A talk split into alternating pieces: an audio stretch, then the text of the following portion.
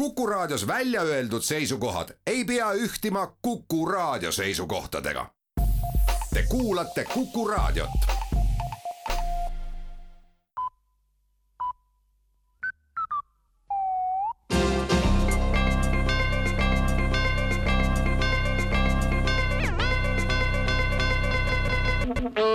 tere uudistestuudiost mikrofoni juures Rohke Debelak riigikogu annab teada, et võttis eile vastu seaduse, mis keelustab alla kaheksateistkümne aasta vanustel inimestel Riigikogu istungite jälgimise ja seda ajavahemikul esimesest jaanuarist kuni kevadiste valimiste lõppemiseni. viimased kuud enne valimisi muutub Riigikogu saalis toimuv sisult üha vähem alaealistele sobivaks ja istungeid hakatakse üle kandma telekomi ettevõtete tasuliste täiskasvanute kanalite vahendusel kui uus Riigikogu on valitud, siis katseliselt võetakse kaheks kuuks piirang maha ja kehtestatakse pröökava vajaduse ilmnemisel uuesti.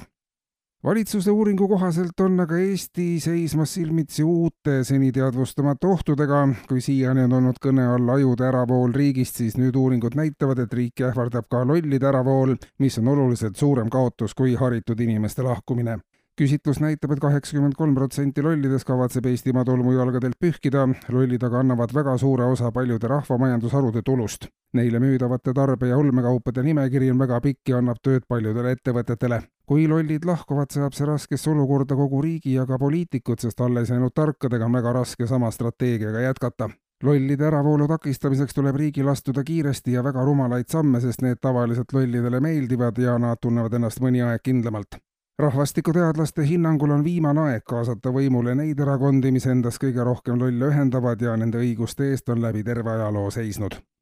pealinna teateid. Tallinna linnavalitsus tegi volikogule ettepaneku viia mitmed Tallinna ametid ja teenistusosakonnad üle isemajandamisele, mille läbi saaks kokku hoida linna eelarveraha vastavalt ettepaneku seletuskirjale suudavad linnaametnikud ja teenistujad praeguses turusituatsioonis oma palga küsida teenuste vajajatelt ja neile ei pea kulutama maksumaksja raha samas tehakse ettepanek ka Riigikogu õiguskomisjonile karistused altkäemaksu ja pistise võtmise eest karistusseadustikust välja võtta. tegemist oleks lihtsalt palgaga, mis on visaduse ja töökusega välja teenitud ja sellises tegevuses ei ole võimalik näha kuriteo koosseisu altkäemaksu ja või pistise vastuvõtmisega hoiavad linnaametnikud tegelikult kokku aastas miljoneid eurosid maksumaksjate raha praeguse praktika kohaselt aga võetakse oma elutööga linnale palju kasu toonud ametnikud lihtsalt kriminaalvastutusele. Tallinna linnavalitsus loodab, et Riigikogu mõistab olukorra tõsidust ja teeb seadustes ka vajalikud korrektuurid.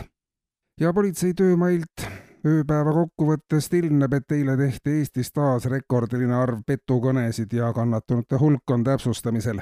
eristus peamiselt kolm petukõnede liiki, kolmkümmend kaks protsenti oli petukõnesid, kus helistaja väitis, et peab jääma täna kauemaks tööle, aga sellest nüüd küll midagi ei ole, sest ma armastan ainult sind järgmise suurema grupi petukõnedest moodustasid kõned, kus helistaja väitis, et maksab järgmiseks esmaspäevaks kindlasti ära. ajaloo pikima petukõne arvestuses hoiab praegu liidripositsiooni Tallinna linnavalitsus, kes on kakskümmend aastat rääkinud, et kohe saab linnahall uuesti valmis. kuulsite uudiseid